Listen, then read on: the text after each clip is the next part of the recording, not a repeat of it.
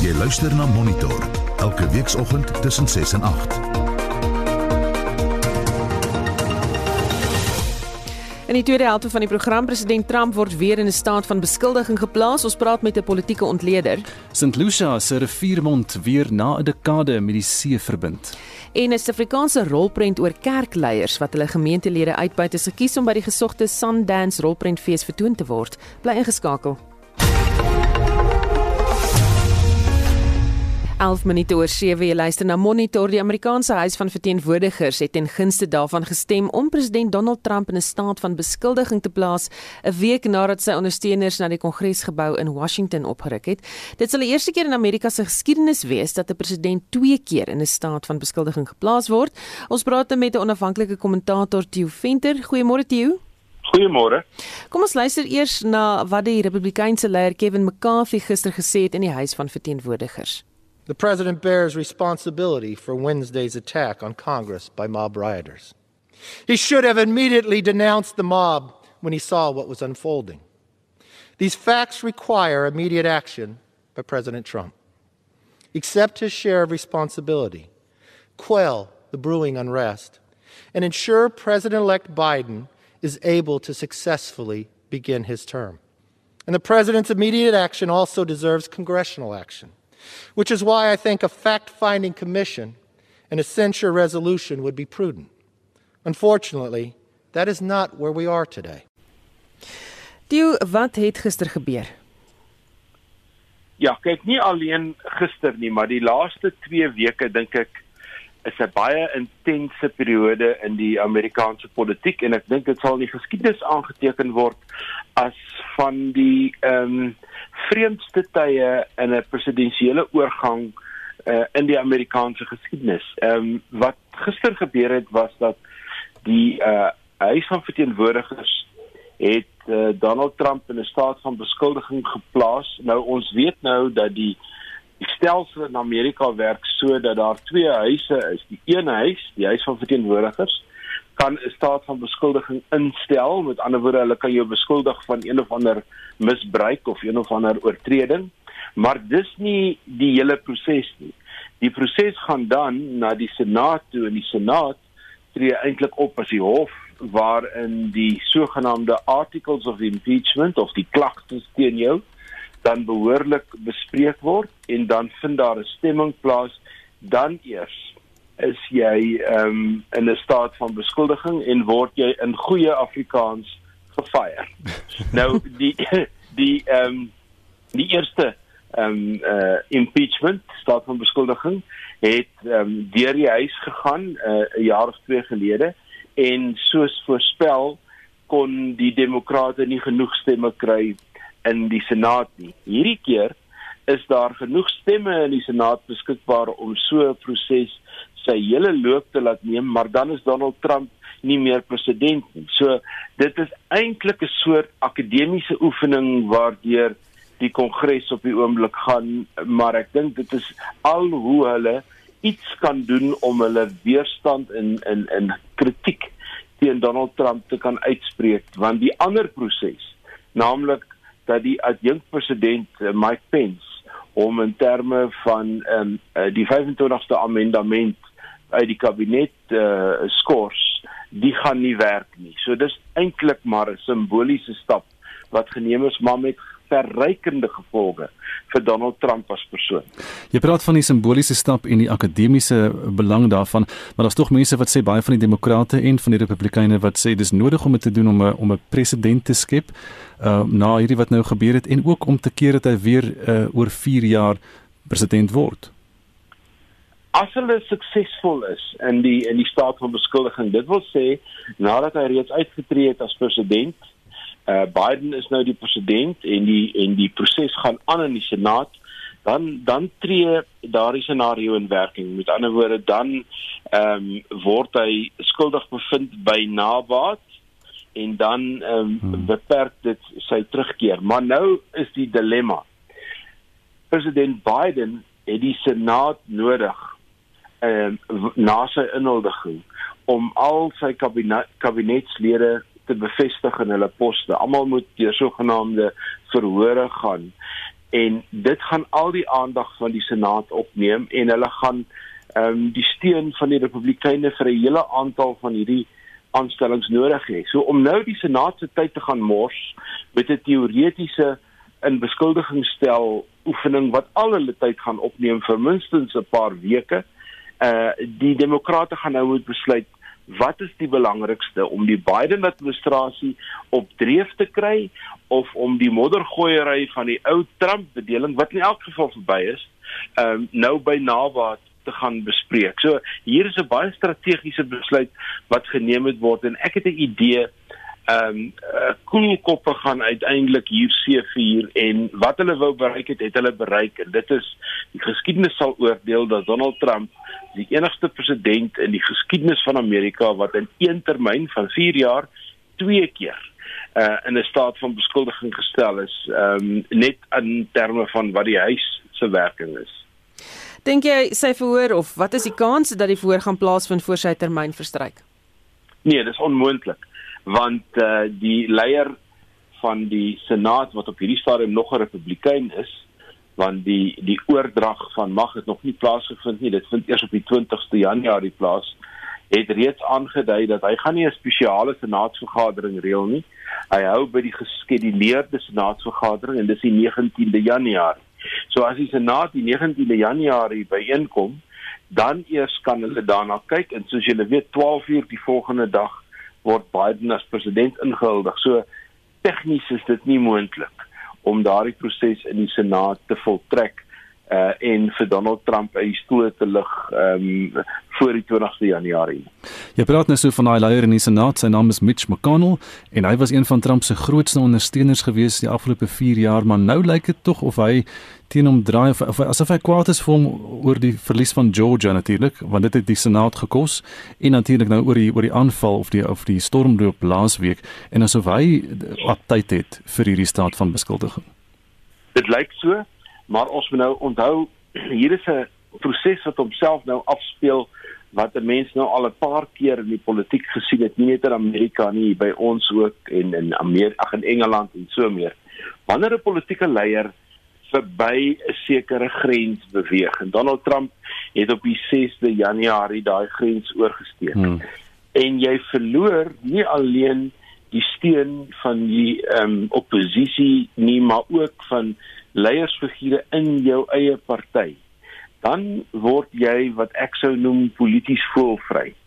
Ehm um, ek sou eerder die woordjie untouchable wou gebruik. Niemand wil meer aan jou raak nie want jy het nou 'n toksiese omgewing geword en Mitch McConnell was reeds duidelik na die 3de November, 4de November ongemaklik met die Donald Trump storie van 'n gesteelde verkiesing en korrupsie en alles wat daarmee saamgaan. Maar hy moes sy beeld handhaaf in die Senaat want die, die leier van die Senaat is 'n verskriklike ehm um, belangrike pos met geweldig baie status en sy posisie destyds was gee aan Trump al die regsgeleenthede, regsgronde, gee vir hom alles wat hy wil hê om sy bewyse te bring en soos ons nou weet in 62 hofsaake kon hulle niks bewys nie. So daai wrevel is nou al 2 maande aan die kom want ons moet onthou Mitch McConnell het eintlik vir Donald Trump gered in sy eerste staat van beskuldigings um,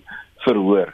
Daardie verhoor het nie op Merite plaasgevind nie, dit het bloot plaasgevind in terme daarvan dat die Republikeine het Republikeins gestem en die demokrate het demokraties gestem dit was net Mitch Romney uh, ag met Romney hmm. wat in daai ronde uh, met sy gewete gestem het en gesê het ek dink Donald Trump moet in 'n staat van beskuldiging geplaas word so ek dink um, Mitch McConnell uh, is kwaad want hy is nou nie meer die leier van die van die senaat nie en um, Donald Trump het eenvoudig hom aan niemand gesteer in die laaste 2 maande nie. Hy het heeltemal die klits kwyt geraak. Vat dit die fokus weg ongelukkig van belangriker kwessies soos die bestuur van die pandemie. Ja, absoluut. En en dis hoekom ek sê dis 'n strategiese besluit ehm um, vir Biden om die post-Trump Amerika op dreef te kry. Moet hy sy kabinet aan die werk kry. Moet aanstellings gemaak word, moet beleide geïmplementeer word. Daar's geweldig baie werk in die eerste 6 maande van 'n nuwe president. En as jy nou nog jou aandag laat aflei deur 'n verhoor wat in die Senaat plaasvind en wat die Senaat se tyd opneem, dan moet jy maar ergens gaan sit en moet 'n besluit neem wat is belangrik en wat nie. En Biden is 'n ou ou politieke hand in die werking van die Senaat. Hy was vir baie jare 'n senator en hy was twee termyne lank adjunkt president of visiepresident in Amerika. Hy verstaan die sogenaamde konsep van bipartisanship. Hoe kry jy die ander kant ook ingebring in die besluitneming om vorentoe te gaan en ek dink ons gaan vir die eerste keer in Amerikaanse politiek in 4 jaar weer sien hoe daar uitgereik word uh oor politieke grense heen om sekere besluite geneem te kry. Die voorloop daarvan was eintlik oud visiepresident uh, Dick Cheney se dogter Liz Cheney wat as 'n republikein die voorbeeld gestel het oor hoe jy oor politieke grense heen na die meriete van 'n saak kan kyk. Wat is die toekoms van Donald Trump self of hy nou in 'n staat van beskuldiging geplaas word of nie? Ons sien nou uh van hierdie groot korporatiewe mense wat hulle losmaak, die PGA golfkampioenskap wat nie meer wil by sy golfbaan gespeel word nie, die stad van New York wat nie wil hê hy moet die ijskaatsbane meer bestuur nie, die Trump organisasie se vermoë om besigheid te doen en en, en so aan. Is daar nog steeds groot genoeg uh, steun vir hom om te kan aangaan nadat hy president was? Ek dink Donald Trump en sy sy kinders is waarskynlik baie baie meer bekommerd as wat hulle te kenne gee. Die wese van Donald Trump se besigheid is nie die bates waaroor hy so graag gespog het nie. Donald Trump is ook glad nie so ryk as wat hy gesê het hy is nie, want dis hoekom hy sy belasting op nie wou wys vir 4 jaar lank nie. Donald Trump se besigheid bestaan daaruit dat hy sy naam verkoop aan geboue en dat hy daar uit 'n groot klomp geld maak. En as sy naam toksies word, soos wat ons nou sien, Deutsche Bank wil nie met hom besigheid doen nie. Daar's 'n ander bank wat ook eh, 'n uh, kop uitgetrek het en dis meer dan dink ek die manier waarop die Trump besigheid gevoer is, dit wil sê om naamregte te verkoop en eintlik die Trump naam te lisensieer is wesentlik in gedrang. Uh daar is ouens in die Amerikaanse uh, media wêreld wat self spekuleer van 'n soort bankrotskap wat op hom kan wag want ehm um, hy het 'n groot klomp uh, skuld wat hy ook moet betaal wat natuurlik uitgestel is terwyl hy president was en hierdie ehm um, betalings uh, gaan nou in die volgende jaar of 2 ehm um, ryp word en dan moet dit betaal word. Ehm um, so ek dink Trump het baie groter probleme as om te sit en wonder of hy oor 4 jaar weer moet uh, homself beskikbaar stel as president uh, en en ek dink die stelsel het van Donald Trump ontslaag geraak. Dis wat hier gebeur het. Hy kom nie weer terug nie. Baie dankie. Dit was die onafhanklike kommentator Theo Venter. Goeie reën in groot dele van die land het die nasionale damvlakke na 72,2% laat styg. Volgens die departement van water en sanitasie se woordvoerder, Sputnik Ratel, um, is verlede jaar die oorstemmende tydperk was die vlak maar slegs op 59,5%. And we can see that this week, after the significant rains uh, in the past few days, the national average is at 72.2%, which is significantly higher than the 59.5% it was at about a year ago at, at this time. And we can see that some of the systems have also quite had a significant inflow with the, the biggest system in the country, the integrated Val River system, standing at 73.5%. And we can confirm that it's significantly higher than the 62.5% it was at a year ago. Die Wes-Kaapse watervoorsieningsstelsel vergelyk ook goed met dieselfde tyd verlede jaar. with the Western Cape water supply system continuing to decline. It is now at uh, 89.0, where it was 90.6 uh, a week ago. But we can still see that it's still significantly higher than the 73.1% it was at a year ago. Die Oos-Kaapse damvlakke lyk egter swakker as ander provinsies se.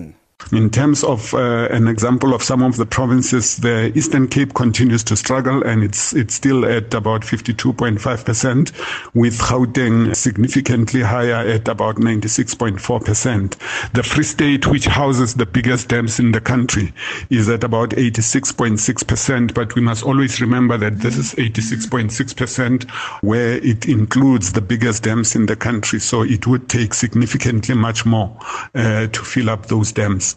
We are continuing to monitor the system in the Northern Cape, where the inflows from uh, Namibia are continuing to impact on the Vaal and the Orange River system. And uh, this system is continuing to rise significantly. Dit was Sputnik Ratau, die woordvoerder van die Departement van Water en Sanitasie. Vincent Mofokeng, SAICanis. En ons bly by die water en die goeie reën. Baie boere juig oor die goeie reën wat die afgelope 2 maande of wat oor groot dele van die land uitgesak het en sommige mielieprodusente het egter groot reënskade gely. En ons praat nou met 'n landbouekonoom van Graan SA, Loan van der Walt. Loan, goeiemôre. Môre. Watter gebiede het skade gehad as gevolg van die reën? Ja, ek dink as ons kyk na die gebiede wat skade gehad het as gevolg van reën, um, in die eerste plek wil ek net sê dit was 'n baie goeie aanvang van die plantseisoen gewees hierdie jaar wat ons baie positief is en um, dit gaan nou gepaard met die goeie reën wat ons gehad het.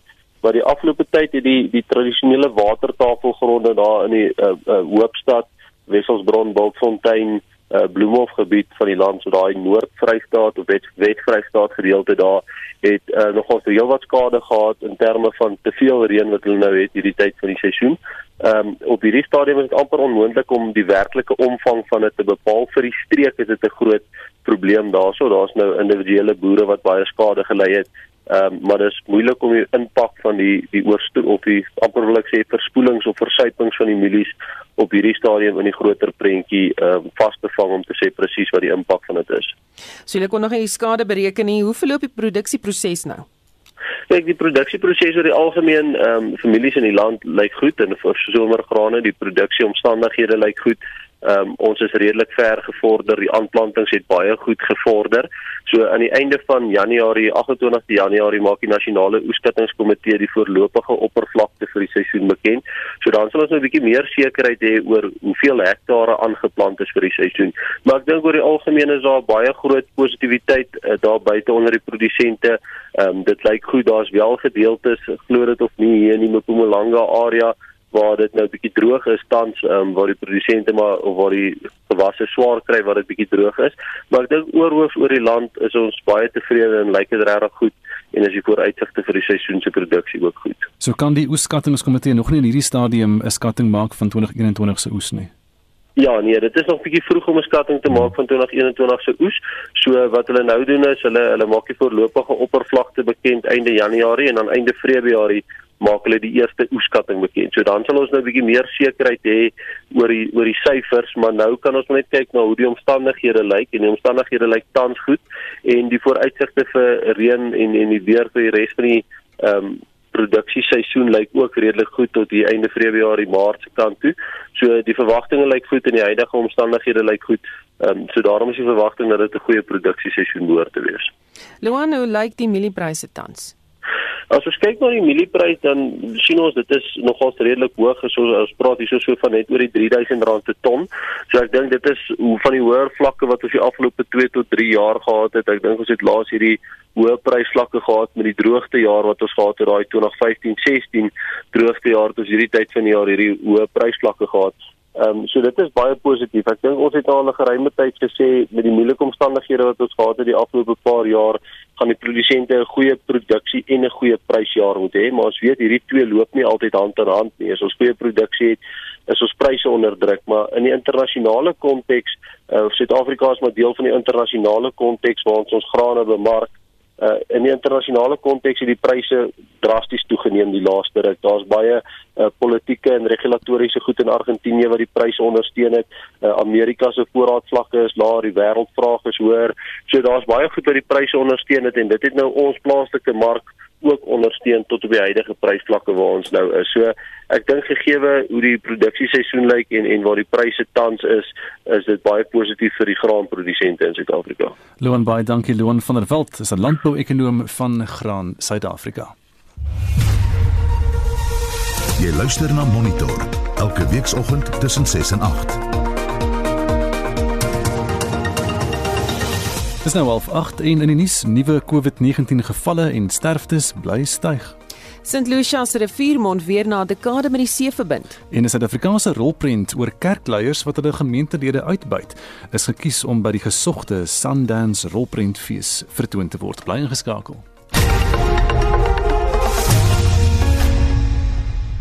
Is die Namibië. Dis waarheen ek sal wil reis nou. Susan, kom ons luister. Daar's baie luisteraars wat sê hulle sal baie graag in Namibië wil gaan kuier, maar kom ons luister gou-gou eers na stemboodskappe van ons luisteraars. As ek nou kan reis hierdie oomblik sonder enige twyfel is dit Nederland toe om vir Perry en Joyce te gaan kuier en die nuweling wat op pad is die 22ste April. Dis Jopie van Vryheid KZN. Nee, as ek ooit die geleentheid gegaan word om ergens te kan reis in die wêreld heen, dan sal ek uh, natuurlik die Kavango kies. Die mooiste deel in die wêreld, die mooiste area, die pragtigste natuur skoon. Jy kan nêrens nie Europa nêrens en geen ander kontinent sal jy dit kry nie. Pragtig, skoon, natuur skoon in 'n lekker lodge. Daarheen wil ek reis. Noord-Namibië in die Kavango naby Rundu en Katimamelulu. Dit is die naaste aan die hemel waar jy kan kom. As ek kon kies, dan sou ek sê Switserland is my gunsteling bestemming waarna toe ek sou wou reis. La France van P. Ek is Leonie Stein van Potchefstroom. As ek nou na 'n ander land kan gaan, is daar net een land, Turkye, want my hart het daar agtergebly. Die wonderlikste, eerlike, opregte en gasvrye mense. Anders daar, ek wil net terugkom na daai boodskap van die luisteraar wat ek nie nou-nou kon klaarmaak nie. Hy sê ek wil verskriklik graag 'n Kyrgyzstan toe gaan en daar deelneem aan 'n ekspedisie om navorsing te doen oor sneeuluiperds.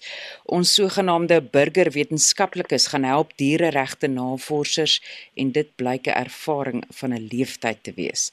En Corrie Swart sê sy wil graag IJsland toe gaan. Die yskoue land met sy geysers fascineer my. Lae bevolking en bykans geen misdaad nie en dit sal 'n uitstekende kans wees om die noorderligte te sien. En Ima Barnard sê ek sal graag na my sussie Elna Ritten in Auckland in Nieu-Seeland toe wil gaan. Die verlange raak nou net te erg. En nog een laaste kans om ons te laat weet as jy nou jou reis strome vlerke kan gee, waartoe sal jy graag wil reis? Stuur vir ons 'n SMS na 45889 teen R1.50 per SMS. Gesels saam op ons Facebookblad by facebook.com vorentoe skynstreep ZARSG of WhatsApp vir ons stemnota na 076 536 6961. Dis 26 minute voor 8 uur by Monitor op RSG. En tyd vir wêreldnuus gebeure. Nou ons begin met nuus oor COVID-19 en stowwe wat deur die Afrika Unie bekom is. Heinrich Weingart staan by ons aan. Heinrich, môre. Gustav Moore, die nuus is gister deur president Cyril Ramaphosa as voorsitter van die Afrika Unie bekend gemaak berig bbc.com. En dit is naamlik dat 'n voor 'n voorlopige 270 miljoen dosisse vir verspreiding reg oor die vasteland deur die Afrika Unie verseker is. Dit het bykomend tot 600 miljoen dosisse wat reeds beloof is, maar dit is steeds nie genoeg om voldoende getalle Afrikane teen die virus in te ent nie. Ramaphosa het gesê minstens 50 miljoen dosisse sal vir die kritieke periode tussen April en Junie beskikbaar wees. Die res sal wel ook alles gedurende die jaar gebruik word. Nou dit blyk asof dit nie net uh, president Donald Trump is van Amerika wat uh, tans moeilike dae beleef nie, maar ook sy Israeliese eweknie.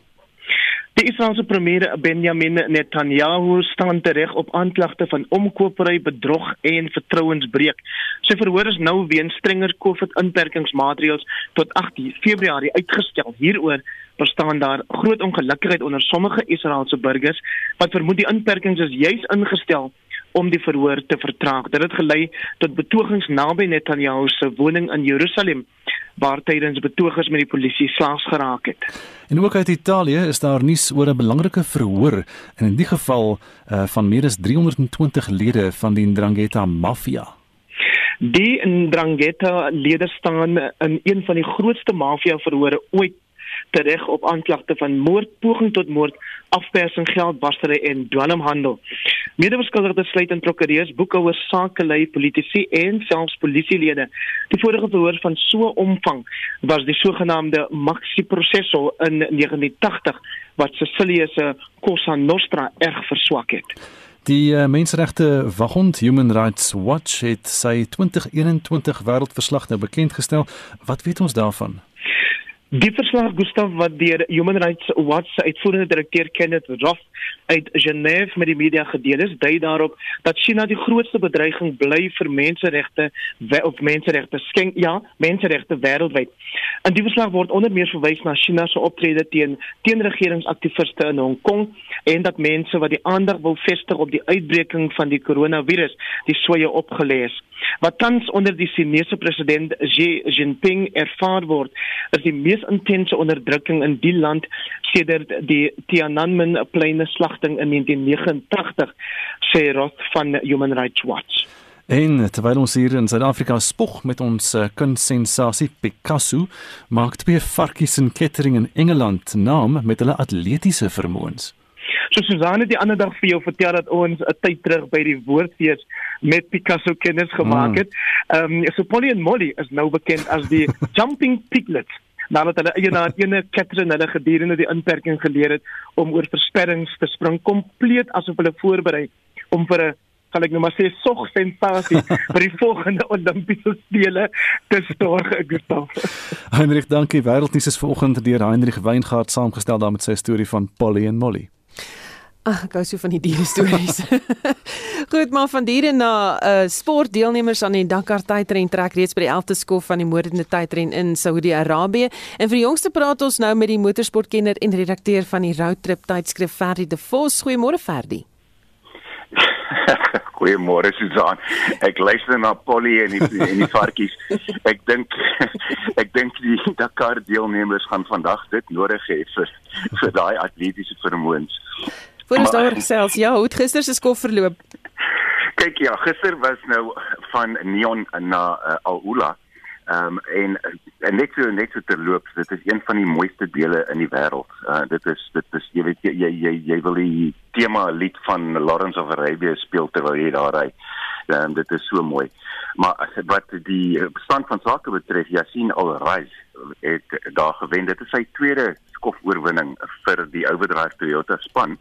Ehm um, en uh, hy is 'n Saudi, so vir hom is dit natuurlik 'n groot ding uh, baie goed gevaar en hy reis al met Dirk van Zitsewitz wat uh, voorheen vir Geneel ook genavigeer het met uh, Nasser Al-Attiyah in die tweede plek vir die Gazoo Racing span en uh, Stefan Peter Hansel in die derde plek.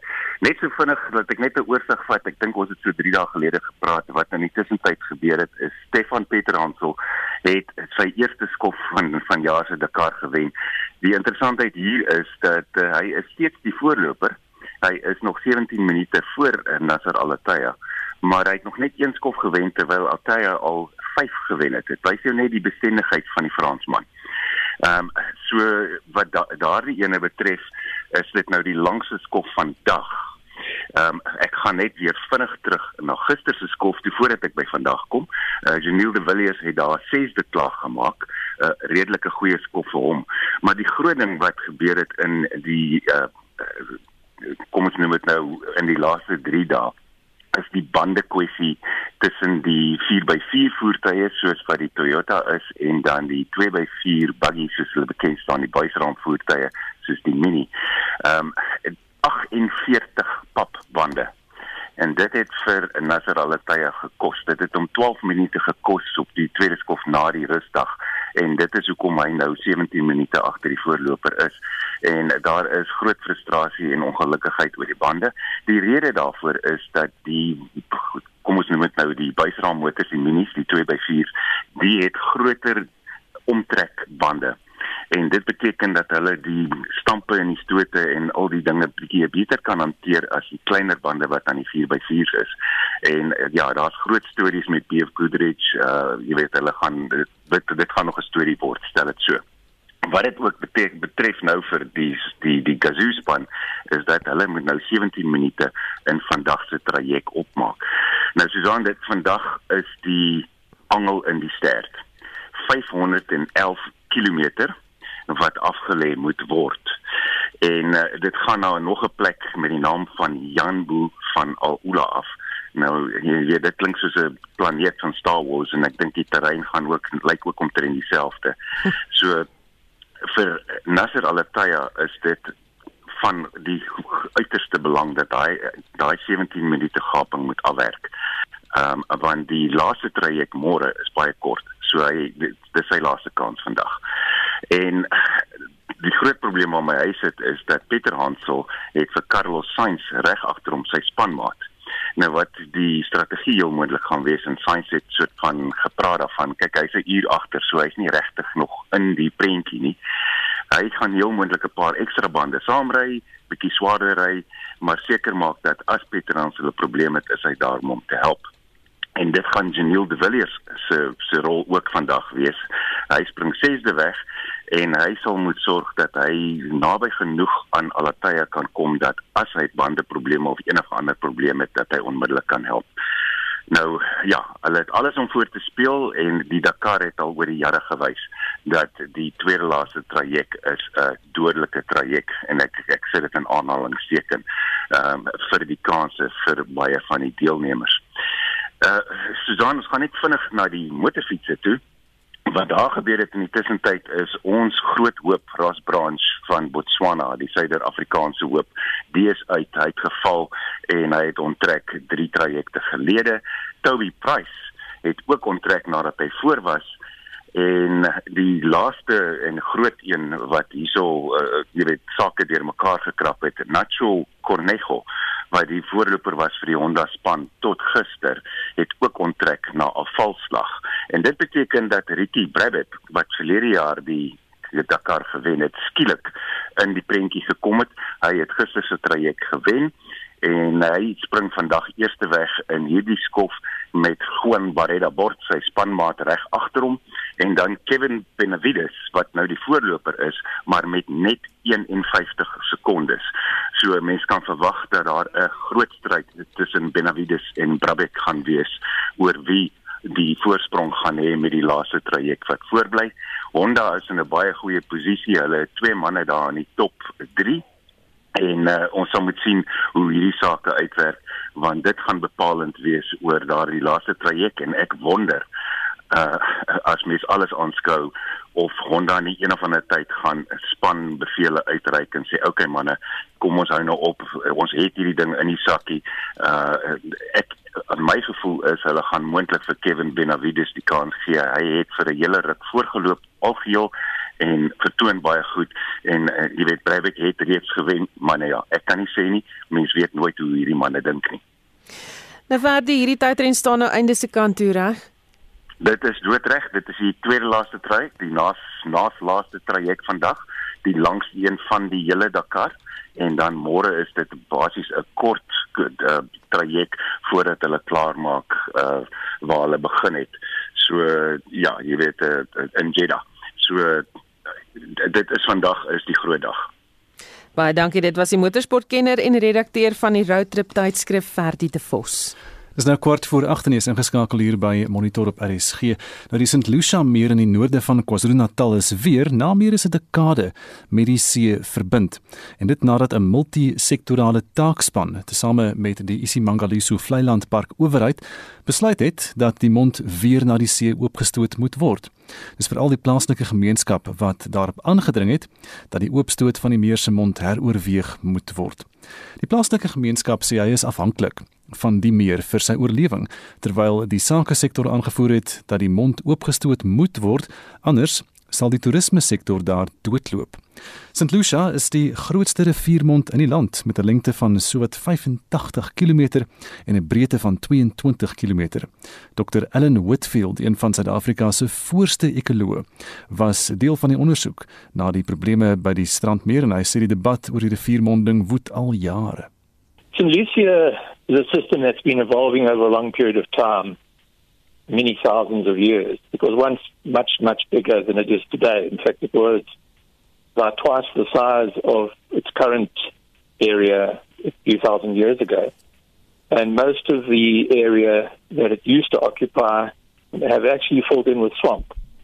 So the Mkuzi swamp and the Umfalosi swamp were once part of Lake St.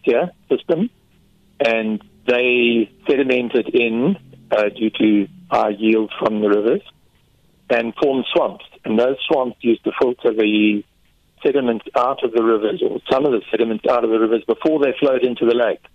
So prior to the early 1900s, the system operated in a much more natural way than it does at present.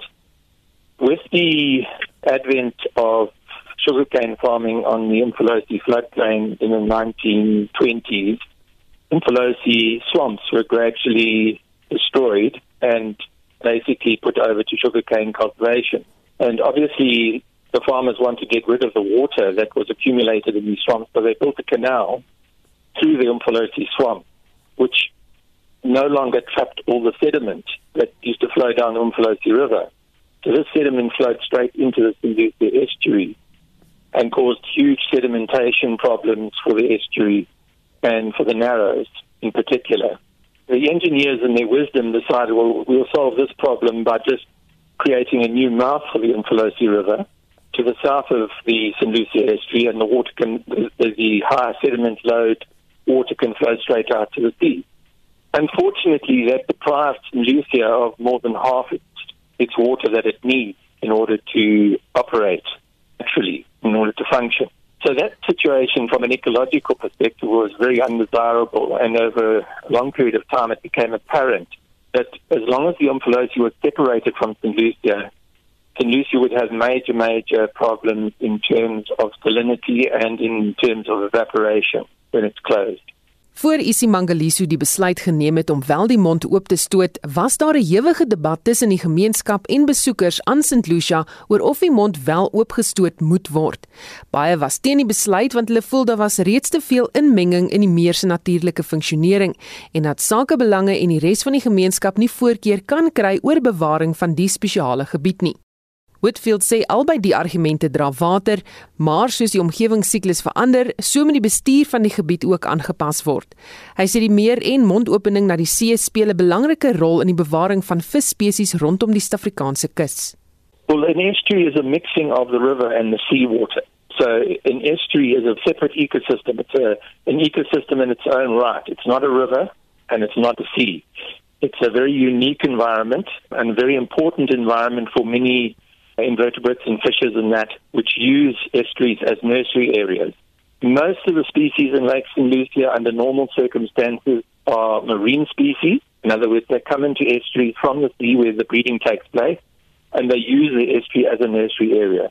They don't actually breed there directly, although there are some species that do breed within the estuary, but most of the species of fishes and invertebrates actually are derived mainly from the marine environment. Not from the estuary itself and not from the river.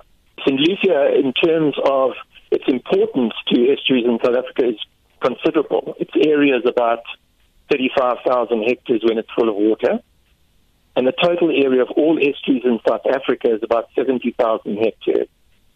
So you can see from those statistics that St. Lucia is, is approximately 50% of all the area in, of estuaries in South Africa. And in fact, St. Lucia is the largest estuarine system in Africa as far as I'm aware. Whitfield verduidelik hoekom die owerheid besluit het om wel in te gryp in die oopmaak van die mond. Okay, under natural circumstances, St. Lucia would have been closed for about 30% of the time with a joint mouth, in other words, with the Umfolosi. Obviously, that would be very different if the St. Lucia system was separated from them. But with the two systems joined, on average, St. Lucia would close for about 30% of the time and be open for about 70% of the time. Now, during the last two decades, we've had a fairly prolonged drought, which has had an impact on, on the closure. And essentially, the system has been closed for almost two decades. Okay, it has been open briefly for periods in the last 20 years, but by and large, it has been closed. So it's a fairly abnormal situation. Whitfield sê suksesvolle bewaring van die St. Lucia meer gaan afhang van mense se verantwoordelike optrede en gebruik van die natuurlike hulpbron en bewaringsgebied. Remember this is a world heritage site. It's a game reserve. We need to respect it. So obviously huge numbers of boats on the estuary is not a desirable thing. Um, however, it should be realized that the uh, tourism use of the estuary by boats is a very important thing because that's how the estuary becomes known and valued. So boats on the system should be allowed, but it should be done in a way which doesn't actually damage the system or lead to sufficient disturbance that it alters the ecology of the system in a way which we don't really want. En dit was dan die ekoloog Dr. Ellen Whitfield wat met Susan gepraat het. 'n Suid-Afrikaanse rolprent oor kerkleiers wat hulle gemeentelede uitbrei of uitbuit eerder, Five Tiger is gekies om by die gesogte Sundance Rolprentfees in die FSA vertoon te word. Annelie Jasse van Vuren berig. Five Tiger is Nomawonga Kumalu se debuutrolprent as regisseur. Daarom is sy in ekstase daaroor dat sy met haar eerste fliek 'n deurbraak by die Sundance Rolprentfees in die Amerikaanse staat Utah kon maak. Sundance is oorspronklik onder leiding van die akteur Robert Redford gestig. Dit bied 'n platform vir onafhanklike rolprentmakers om werk te vertoon wat nie altyd deur die kommersiële mark raak gesien word nie. Tog sê Kumalu, dit was nie maklik om tot hier te kom nie. Sy het vir 10 jaar lank harde klippe gekou in die bedryf en van meet af begin as 'n tegniese assistent op rolprentstelle. Dit het onder meer Neil Blomkamp se Chappie ingesluit wat hier in Suid-Afrika vervilm is. Getting selected for Sundance feels surreal. I've had to talk myself out of feelings of inadequacy and put that imposter syndrome in the corner where it belongs. Sundance has been a catalyst in facilitating the launch of careers of filmmakers that I look up to and often reference in my own work. To be a part of that alumni is beyond my wildest dreams. Kumalo sê haar fliek gaan oor 'n godvreesende vrou, Fiona, wat haar eie behoeftes op sy skuif sodat sy na haar siek man en die opvoeding van haar dogter kan omsien. Dog handel die dieper liggende tema oor party kerkleiers wat hul magsposisies misbruik ten nadeel van sekere gemeentelede. Volgens haar lei dit dikwels daartoe dat gawes in ruil vir gunsies uitgedeel word. The idea for the film came from an encounter I had with a God fearing prostitute I met while working on a telenovela on the outskirts of Johannesburg. Her conviction that her faith would ultimately come to her rescue left me feeling a little bitter about the constructs of society using its beliefs to discriminate and other individuals that don't fit its mold.